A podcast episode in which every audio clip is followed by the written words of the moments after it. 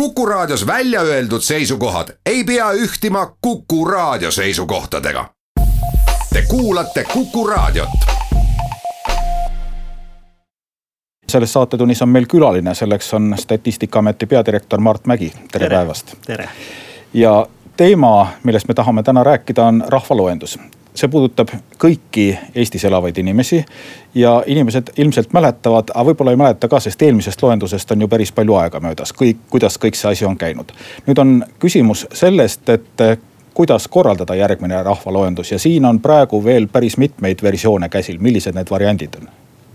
ja aitäh, et äh, tõesti kaks tuhat üksteist oli eelmine rahvaloendus ja äh, täpsustame, et tegelikult nii eelmine kord kui ka seekord me teeme siis rahva ja eluruumide loenduse. et erisus siis eelmine kord, see lühend oli siis REL, nüüd me räägime REGREL-ist. ja REGREL tähendab oma olemuselt, et see oleks registripõhine rahvastiku eluruumide loendus nüüd äh, kaks tuhat üheteistkümnendast aastast võib-olla jälle natuke korra kiire ajaloo meenutus oli see, et äh, valitsus oli väga selgel seisukohal, et no Eesti on e-riik ja noh, e-riigis kui sellises peaks asjad e-moodi toimima, ehk tuleks teha rahvastikuloendus registripõhiselt. see oli väga selge soovitus sel hetkel Vabariigi Valitsuselt, Ansipi valitsuselt. ja statistikaamet kaalus tõsiselt registripõhist rahvastikuloendust. kahjuks statistikaamet seisis tugevasti vastu sellele teemale. miks? sest registrite kvaliteet aastal kaks tuhat üksteist ei võimaldanud rahvastikuloendust teha registripõhiselt. Need probleemid olid nii mastaapsed, mis sai lauale pandud siis, et me ei oleks vastanud ühelegi kvaliteedikriteeriumile nende näitajate väljatoomisel. millest puudu jäi?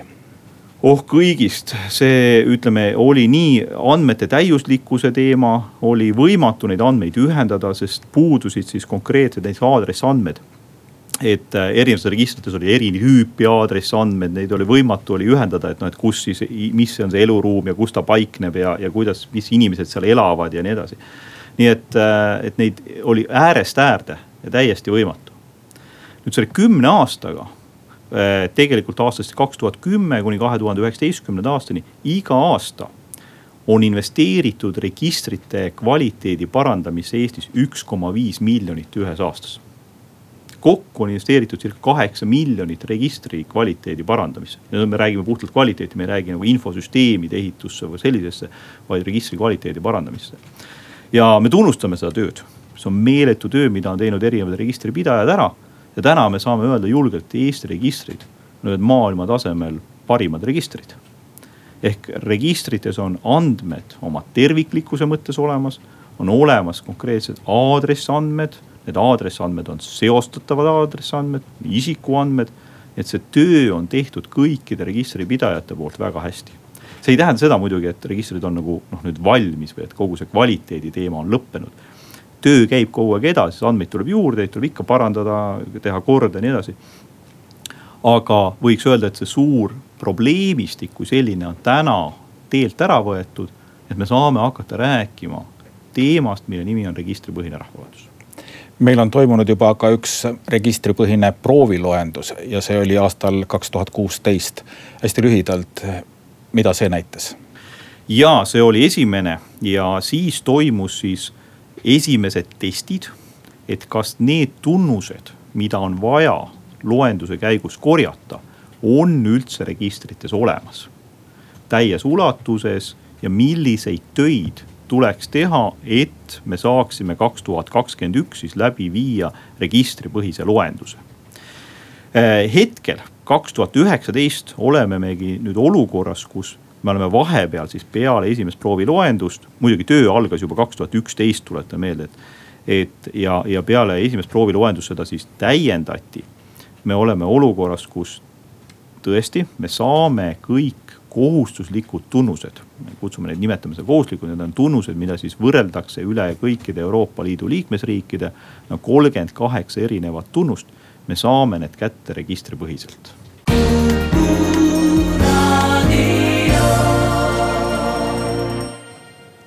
Meil on stuudios külas statistikaameti peadirektor Mart Mägi ja räägime rahva ja eluruumide loendusest. mis järgmisel korral aastal kaks tuhat kakskümmend üks võib tulla registripõhiselt.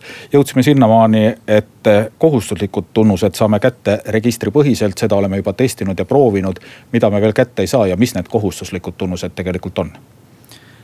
Kohustuslikkuseid tunnuseid on tõesti kolmkümmend kaheksa ja need jagunevad kolme suurde gruppi. isikuga seotud tunnused, näiteks inimese sugu, vanus, sünniriik, kodakondsus, tema amet, tema tööalane staatus, tema haridustase.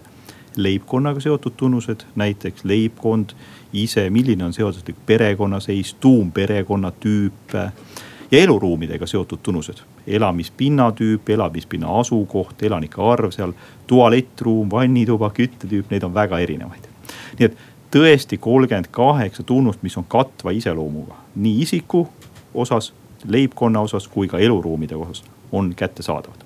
lisaks sellele me oleme leidnud üheksa tunnust ehk äh, kõik need tunnused, mida me siis loendusesse lülitame, selle puhul on üks siis oodatud rahvusvaheline võrdlus, aga teine on siis siseriiklik soov või vajadus saada aru, mis on ühiskonnas hetkel toimuv protsess. selleks siis me viime läbi suured tarbijauuringud ja suhtleme erinevate huvigruppidega, et tuvastada kõik need tunnused, mida oleks mõistlik siis loenduses läbi viia.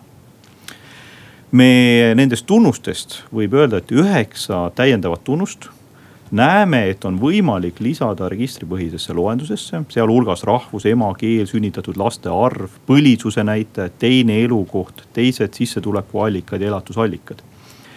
see, need on olulised näitajad ja need on võimalik kätte saada täna erinevate registrite baasil. kuid eksisteerib ka näitajaid, mis ei ole registrites. Nendest võib-olla teada ja tuntumad on siis murre ja usuline kuuluvus mille puhul on küsimus, kas neid näitajaid siis lisada loendusesse või uurida neid nähtusi eh, erinevate valikuuringutega. Neid uuringuid me oleme ka ajas teinud ja kindlasti teeme edasi, sest need nähtused iseenesest on ka olulised ühiskonna kontekstis. debatt või küsimus on alati siin see, kas nad on ka olulised sellisel kujul, et me peame saama ja tegema seda läbi kõikse loenduse sest suur vahe on registripõhine loendus versus kõikne loendus, sellepärast et kõikne loendus, mis toimus siis kombineeritud meetodil kaks tuhat üksteist, selle ajamaht on kordades suurem, see võtab kauem aega. selle kulud on kordades suurem ja tegelikult ka noh, ütleme tulemuse mõttes me saame kätte suuresti seda, mis on juba täna registrites olemas see huvigruppide osa ilmselt ongi kõige keerulisem, sest huvigruppe on ju palju ja igaüks tahaks teada neid andmeid, mida teda konkreetselt huvitavad. on siin nagu mingid eraldi leerid välja kujunenud? ei saa niimoodi päris täpselt öelda nüüd, et oleks leerid, pigem võiks öeldagi nii, et on, on selge erisus see, et on olemas siis matemaatikud, kes äh, ka loenduse kontekstis viivad läbi loendust, ehk nad loevad kokku teatud tunnuseid või, või nähtusi nende tunnuste alusel. ja on, on, on siis erinevad, võiks öelda siis äh, analüütikud, teadlased, kelle huvi on ka uurida nähtusi mille puhul tõesti määrab rolli inimese enda sisetunne. et sisetunne noh, et millist, milline on minu uskumus näiteks, et noh, neid me tõesti registritesse ei korja ja ei ole olnud ka plaanis korjata. kusjuures tuleb tõdeda seda, et äh, Eesti muidugi selle registripõhise loendusega ei ole esimene riik. üheksa riiki juba teeb registripõhist loendust. mõnes nendest riikidest on usk ka registris.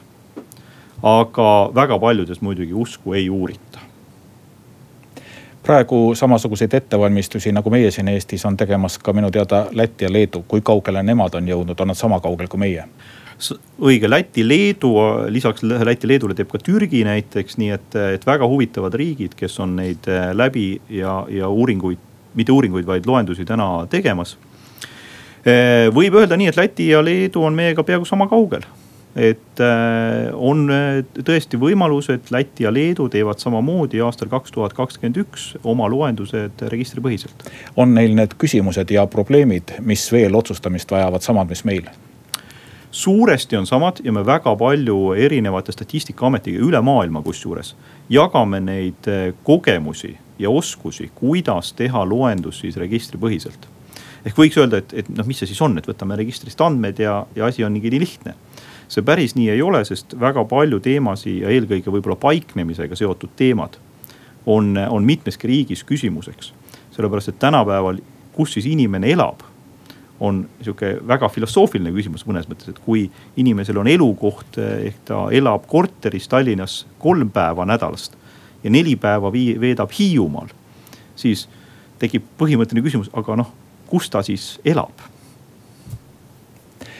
Kui nüüd need tähtajad lähenevad, ehk siis ühed otsused tuleb teha juba oktoobri lõpuks, teised tuleb teha selle aasta lõpuks, siis mis tasandil need otsused tuleb teha? statistikaamet ei ole ilmselt see otsustaja otsused e, käiakse läbi Vabariigi Valitsuse loenduskomisjonis. moodustatud siis Vabariigi Valitsuse poolt alatine loenduskomisjon, kus tegelikult ka juba senini töö ehk kõik, mis on tehtud selle loenduse ettevalmistuse käigus, on käidud regulaarselt läbi. nüüd oktoobrikuu Vabariigi Valitsuse loenduskomisjonis ongi koht, kus me peame lugustama tunnused, mida uuritakse kaks tuhat kakskümmend üks lõpus. sest loendusmomendiks on detsembri lõpp ehk kolmkümmend üks detsember kaks tuhat kakskümmend üks. peale nende tunnuste fikseerimist meil veel jätkub hetkel ka teine prooviloendus ja selle teise prooviloenduse eesmärgiks on olnud veenduda, et kõik tunnused, mis on siis registrites, me saame ette antud ja, ja toota ette antud kvaliteedi piires.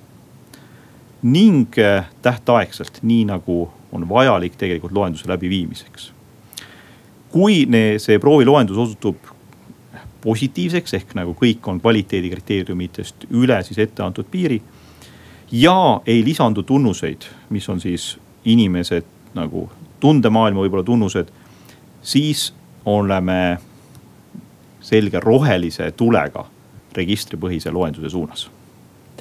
üks küsimus, mis kindlasti rolli mängib, on see, et mis on kahe variandi maksumuse vahe kahe variandi maksumuse mahe on kümme miljonit eurot. kumb odavam on? odavam on registripõhine, registripõhi, põhilisel loendusel see töö on tehtud, see, see loendus on sel hetkel tegelikult ju noh tajumatu, me ei, me ei palka selleks hetkeks täiendavaid inimesi, kui loenduse hetk on, ega ka peale seda. kui me räägime kombineeritud loendusest, nagu tehti eelmine kord, see tähendab seda, et me peame panema püsti veebikeskkonna, kust inimesed saavad siis jälle vastata eelmine kord, kaks tuhat üksteist oli maailmarekord, Eesti tegi maailmarekordi, kuuskümmend seitse protsenti inimestest vastas veebi kaudu.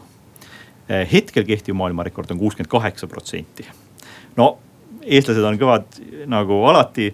ma arvan, et noh, et kui me teeks kombineerituna, me suure tõenäosusega võib-olla tõmbaks selle seitsekümmend ära äh,. erinevad uuringud näitavad seda, et, et eh, üle seitsmekümne kahe väga tulemust oodata kahjuks ei ole võimalik mis tähendab seda, et me peaksime kombineeritud loenduse puhul lisaks veebile palkama minimaalselt kolm tuhat küsitlejat.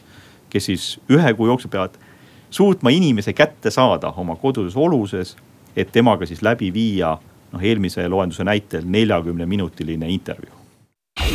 Te kuulate saadet. saate toob teieni Envoice, sinu e-arvete ja raamatupidamise automatiseerija saade nimega Saade läheb edasi. meil on külas statistikaameti peadirektor Mart Mägi ja räägime rahva ja eluruumide loendusest. selles saate pooltunnis on teil võimalik helistada meile stuudiosse, meie telefon on kuus, kakskümmend üks, nelikümmend kuus, nelikümmend kuus ja esitada statistikaameti juhile küsimusi teemaks, nagu siis juba öeldud, rahva ja eluruumide loendus ja kõik see, mis sellega seondub või kaasneb eelmine loendus oli, nagu me eelmises pooltunnis rääkisime, aastal kaks tuhat üksteist, järgmine loendus on kavas kaks tuhat kakskümmend üks ja sellel aastal tuleb veel teha need otsused, missugusel kujul, missuguses vormis see loendus tuleb. milliseid andmeid hakkame küsima inimeste käest, kõigi Eesti elanike käest. kõik on, need on need teemad, mida saate statistikaameti peadirektorilt küsida ja kõik muu ka, mis muidugi rahvaloendust puudutab. kuus, kakskümmend üks, nelikümmend kuus, nelikümmend kuus on Kuku raadio telefon ja ootame siis teie kõnesid, helistamisi. aga senikaua, kui meil praegu ühtegi telefonikõnet ei ole, siis jätkan ise siit veel küsimustega. kui kaugel need arutelud praegu huvigruppide vahel on, otsused tuleb kiiresti ära teha, mil, mille üle veel vaieldakse, mis on juba kokku lepitud? Ja kõik algas tegelikult sihukene suurem diskussioon aastal kaks tuhat kuusteist, kui me viisime läbi äh, tarbijauuringu. ehk see puudutas siis väga erinevaid huvigruppe, kes kõik kasutavad andmeid teadmuspõhiste otsuste tegemiseks. Need äh, erinevad fookusgrupid eelkõige me räägime ka väga erinevate teadlaste gruppidega on käinud läbi aastate, kaks tuhat seitseteist, kaks tuhat kaheksateist. ja ka läbi erinevate poliitiliste voolude nii et ka hetkel tegelikult on kohtumised, viimased kohtumised siin erinevate fraktsioonidega. et anda ülevaade nendest tunnustest, sellest meetodist, kas kõik vastab sellele, mida ühiskonnas oodatakse kuus, kakskümmend üks, nelikümmend kuus, nelikümmend kuus on Kuku raadio telefon, saate helistada, küsida küsimusi, mis seonduvad rahvaloendusega. rahvaloendus on selline asi, mis puudutab kõiki inimesi ja kui te oma andmeid mingil ühel või teisel põhjusel ei esita või siis loendaja teid kätte ei saa, siis mida see tähendab tegelikult lõppkokkuvõttes, mis meil, millest meil puudu jääb? me võime teha väga valesid otsuseid riigis ja see on väga lai teemade valdkond, mille jaoks kõigi jaoks tegelikult alusmaterjal on ju see, kes on see rahvastik, kes siin Eestis elab ja millistes tingimustes see rahvastik elab.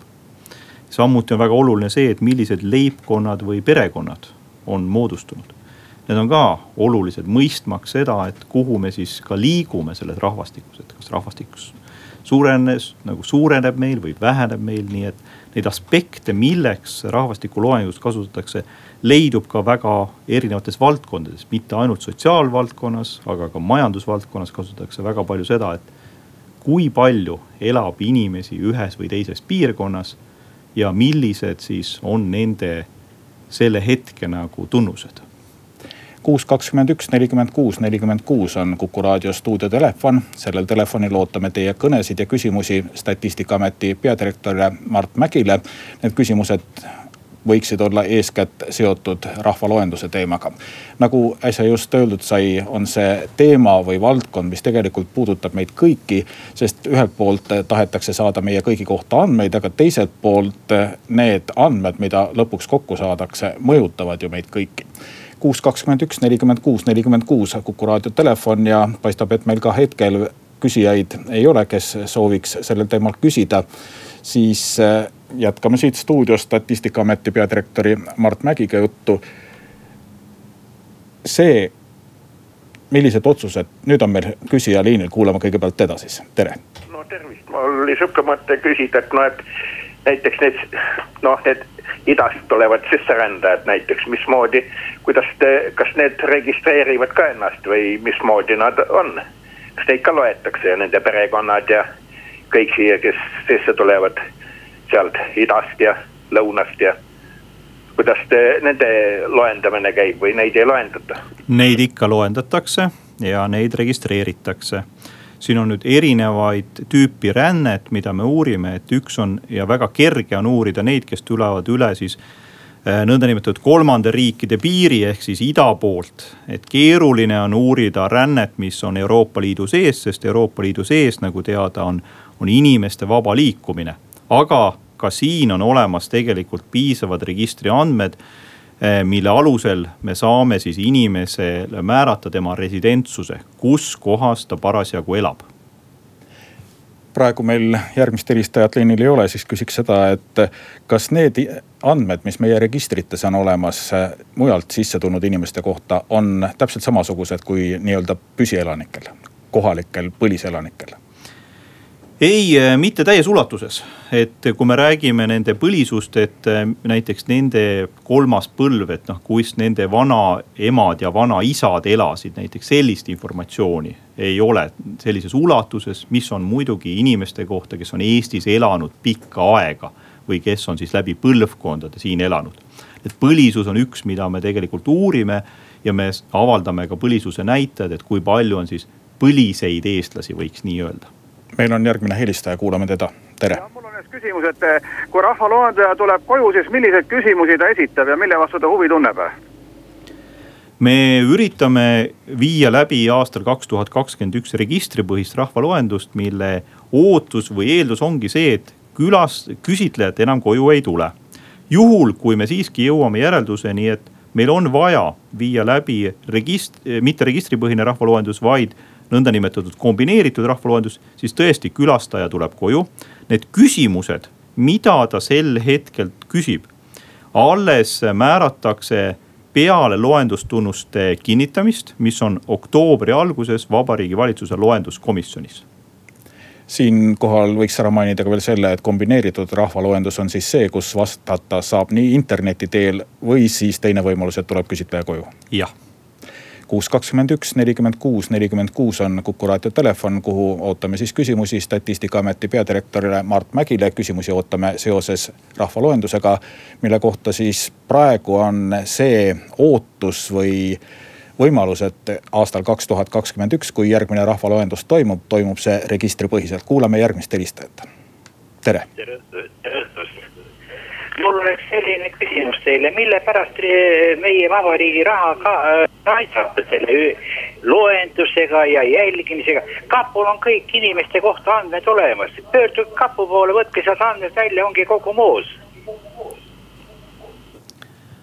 ja aitäh, meie eesmärk ja ootus ongi riigi raha kokku hoida, nimelt juhul, kui loendus toimub registripõhiselt siis me suudame kokku hoida kümme miljonit eurot võrreldes sellega, kui loendus toimuks vana ja klassikalise meetodiga ehk kombineeritult, kus küsitleja tuleb ka teatud inimestele koju ja kõiki neid andmeid, millest me siin rääkisime, mida tahetakse teada, ilmselt ei ole isegi mitte kaitsepolitseil, vähemalt ma oletan nii, aga ma ei tea seda muidugi. kuus, kakskümmend üks, nelikümmend kuus, nelikümmend kuus on taas helisenud, tere. Just eelmine mees vist juba sai ära küsitud, et et ma ütlengi, et me oleme ju kõik ära registreeritud, et me teame, kes käib kuskil koolis, kuskil tööl. ma ei saa aru, mille jaoks on meil vaja mingisuguseid topel, topelt või isegi kuradi kolmekordseid mingeid loendusi, et võtkugi sealt kaitsepolitseist need andmed, seal on kõik asjad olemas, seal on kuradi iga venna kohta toimik olemas, noh ongi kõik need, nägemist noh ja aitäh, siiski, mille üle käib debatt täna ühiskonnas, on see, et kõiki tunnuseid ei ole registrites olemas. On olemas need tunnused mis puudutavad inimese haridust ja, ja sugu ja tema keelt. kuid tunnused, mis on inimese tundetunnused, võiks niimoodi öelda. ehk inimese tunnetuslik, tervislik seisund, eh, inimese usk, inimese murre, neid kohta registreid ei peeta. ja need on olnud ka erinevatel loendusmomentidel ajaloos loenduse tunnustena kuus, kakskümmend üks, nelikümmend kuus, nelikümmend kuus Kuku raadio telefon ja täna on meil stuudios külaliseks statistikaameti peadirektor Mart Mägi. kuulame järgmist helistajat, tere. tere päevast. Need loendajad on käinud korduvalt meil kodus külas. nii, ma end, olen endine piirivalvur ja siis ma sain arvutit kasutada. nii, me, mitte mingit kasu ei ole. Ei näinud ei oma ab, ab, abikaasa haridust, ei iseenda haridust ja muid asju, mille jaoks seda loendust tehakse, aega raisatakse. aitäh. Loenduse materjale kasutatakse väga laialt nii teadusuuringutes kui erinevate poliitikate väljatöötamiseks. seda kasutavad nii kohalikud omavalitsused kui ka erinevad ministeeriumid Need allikad kõik, kus on viiteid rahvaloendusele, neid on kümneid tuhandeid ja neid leiab praktiliselt igas teadustöös, mida on tehtud Eesti kohta. Nii et andmed, mida sealt saadakse, ei puuduta ainult väga kitsast nii-öelda valdkonda või teemavaldkonda. ühe küsimuse jõuame vähemalt enne veel võtta, kui väiksele pausile läheme, kuulame helistajat, tere lugema, et äh, lähete sinna riik.ee-sse ja seal on ju kõik on kirjas, seal on inimese, mul on seal haridustase näha, mul on seal näha, kas ma olen kaitseväes käinud, kõik minu sõjaväelised auastmed, seal on kõik asjad on olemas ja no mis jutt see on, et ei ole olemas. Liigutage internetikeskkonnas oma mõtteid, no see on ju täiesti topelt või kolmekordne töö, no mis jura te ajate, noh. Ja aitäh, me nõustume sellega ja see ongi meie eesmärk teha rahvastikuloendus aastal kaks tuhat kakskümmend üks registrite põhiselt. ehk siis see tähendab veel kord korrates seda, et teile ei tule küsitlejad koju, te ei pea ise internetis täitma mingit ankeeti.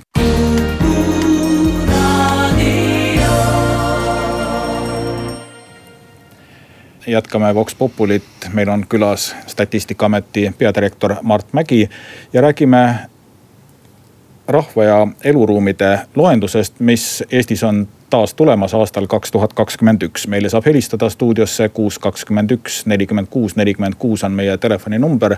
ja kordan siis veel kord üle, et jutt käib tegelikult sellest, kas aastal kaks tuhat kakskümmend üks teha rahvaloendus ja eluruumide loendus registrite põhiselt, ehk siis see tähendab seda, et inimene teie juurde koju ei tule ja te ei pea isa, ise kuskil mingit ankeeti täitma või. või siis sellel teisel versioonil, aga kuulame helistajat, meil on liinil, tere. Tere, ma kuulsin, et teil on usk ka kirjas küsimus on, kas usk on kirjas või? ja usku kahju. usk on selline asi, et äh, võib ühel päeval olla üks usk, teisel päeval teine usk, ühel päeval võin olla moslem, teisel päeval äh, ateist. peab, peab paika ja usk ongi, äh, mida meie siis uurime, on, on loenduse momendil ehk kolmkümmend üks detsember kaks tuhat kakskümmend üks on see, mida me siis uurime. Kuus, kakskümmend üks, nelikümmend kuus, nelikümmend kuus, ootame küsimusi statistikaameti peadirektorile Mart Mägile teemal, mis puudutab rahvaloendust. praegu meil hetkel paistab, et ühtegi helistajat liinil ei ole, siis ma küsiksin ühe küsimuse ise veel. mis puudutab suurandmeid, suurandmed on siis näiteks need andmed, et hästi lihtsalt nüüd kuulajatele ära seletada siis, mida saab koguda. mitte võib-olla nii-öelda registrite põhiselt, aga muude andmete põhiselt, näiteks mobiili positsioneerimisega, et kuivõrd need annaksid infot rahvaloenduse läbiviimiseks ja kas neid võetakse arvesse? ja me oleme teinud väga tõsist tööd suurandmetes ja, ja meil on tõesti kasutusel suurandmed, mis puudutab just nimelt elektriandmestikke. Need on eluruumide kontekstis, kuna tõesti on rahvastiku eluruumide loendus siis eh, elektriandmestikud annavad väga selgeid märke, millised eluruumid on tühjad, mida kasutatakse siis igapäevases majandamises. ehk näide, mida ma ennem tõin, et kui inimene elab äh, kaks päeva Tallinna korteris ja kolm päeva Hiiumaal, siis tema elektriandmestik peegeldab tegelikult väga intensiivselt seda, kus siis tema paiknemine on. kas nende suurandmete põhjal saab eh, hinnata ka seda, mitu inimest seal eluruumis on, elab? Saab, kuigi sellisele detailsuse astmel me ei ole läinud eh, ja, ja võib-olla meid, oluline siin ongi see, et nende suurandmetega töö käib kogu aeg edasi, meie huvi tegelikult on tõesti suurandmetest kasutada ka mobiiliandmestikke. selle osas on tehtud väga erinevaid uurimustöid ja väga suur uurimustöö on ka hetkel töös Tallinna ja Tartu teadlaste poolt. Eh, uurimustöid on tehtud ka teistes Euroopa riikides ja isegi kui me ei suuda neid kasutada veel kahe tuhande kahekümne esimese aasta kontekstis, siis järgnevatel loendustel ja võib-olla oluline aspekt siin ka tuua välja on see, et alates eh, kahe tuhande kahekümne viiendast aastast me peame hakkama saatma Euroopa Liitu iga-aastaselt rahvastikuandmeid. nii et tegelikult meid ootab ees ka sihukene registripõhine loendus mitte enam kümne aasta tagant, vaid teatud ulatuses siis ka iga-aastaselt nii et me loodame väga, et me saame tulevikus kasutada ka mobiilandmestikke. anname taas sõna helistajale, tere. tere. kuulame teid. tere. kas ma olen kuulnud? ja me kuuleme teid minul on see küsimus, kui inimesel on kuus sissekirjutust või viis, kas kehtib praegu, kas te niiviisi statistikat, statistikat ka teete või? Ja siis on nii, post saadab sinna, mitte kedagi kätte ei saa. aga no vot, ja ma tahaks küsida, statistikaamet ei tee seda, aga kas meie riigis on siis asi korrast ära või? ja aitäh see on väga oluline küsimus, nimelt elukoha registreerimine on Eestis seaduse järgi kohustuslik tegevus. see on äh, töö, mille nimel näeb vaeva ka rahvastikuregister ja iga-aastaselt parandatakse ja täiendatakse seda kvaliteeti. kohalikud omavalitsused üritavad ka väga intensiivselt leida neid inimesi, kellel ei ole eh, konkreetse siis korteri või maja täpsusega veel kantud andmed registrisse. see töö on järjepidev. see kvaliteedi paranemine on olnud märgatav viimase seitsme aasta jooksul ja me näeme tegelikult, et tänane tulemus rahuldab meid täiesti. nüüd öeldes seda, siis tõsi, inimesel võib olla mitu maja, mitu korterit omandis. ja see, et mitu tal on omandis, ei tähenda veel seda, et me saame öelda, et nüüd kus kohas ta täpselt elab. selleks me kasutame tegelikult väga eh, selget ja välja töötatud metoodika alusel indeksite süsteemi, mis meil elu, erinevate inimese elumärkide kaudu määratleb selle, kus inimene elab. Meil on ka järgmine küsija liinil, kuulame teda, tere. tere. sihuke mõte, et kui on registripõhine rahv-. väga halvasti oli kuulda kui see helistaja nüüd oma kõrval olevat raadiot vaiksemaks paneks, siis võib-olla järgmisel korral kuuleksime teda paremini. kuus, kakskümmend üks, nelikümmend kuus, nelikümmend kuus on meie stuudiotelefon ja meil on järgmine helistaja, tere olen Aimar Rajalt. Äh, äh, minul on hoopis selline küsimus, mis puudutab nagu mind isiklikult. et meil, meil on need vanad taluhooned, kus on endised hooned peal, ütleme. ja me ei olegi siiamaani aru saanud, et kas need endised olemasolevad hooned, mis on omal ajal Eesti ajal ehitatud ja Vene ajal nagu räägime, ütleme. mis, kas peab uuesti kandma mingid hooned registrisse või need, mis on olnud kunagi, et neid ei pea kandma enam kuskile registrisse ja aitäh, tõsi, kõik ehitised Eestis tuleb kanda ehitisregistrisse ja eriti, kui need eh, ruumid on eluruumidena kasutusel. Eh, siin tuleb märkus teha, eeldatavalt, kui nad on olnud nüüd pikka aega juba olemas, siis nad on juba ehitisregistrisse kantud, nii et siin tuleks lihtsalt üle kontrollida, kas nad ikkagi on seal korralikult. ja meil on ka järgmine küsija, tere jah, tere jõudu. Minul tekkis selline küsimus, et kas üldse on ja kui on, äh, mis on, mis on vahe nuhkimisel ja rahvaloendusel? mulle tundub, et see tähendab, see rahvaloendus on juba nagu ületab igasugused privaatsuse piirid. ehk andke andeks, ma kardan, et te peaksite ümber nimetama selle protseduuri, aitäh. aitäh, väga oluline aspekt rahvaloenduse käigus kogutud detailandmestikud on kättesaadavad ainult statistikaametile. Neid loenduse andmeid ei edastata ühelegi institutsioonile, sealhulgas politseile, piirivalvele, kapole ega muule institutsioonile. see on rahvaloenduse eripära, sellepärast on ka statistikaametil oma seadus, seda nii Eesti tasandil kui ka määrusena Euroopa Liidu tasandil ja meil on ka järgmine helistaja, ilmselt jääb ta meil täna viimaseks, kuulame teda, tere.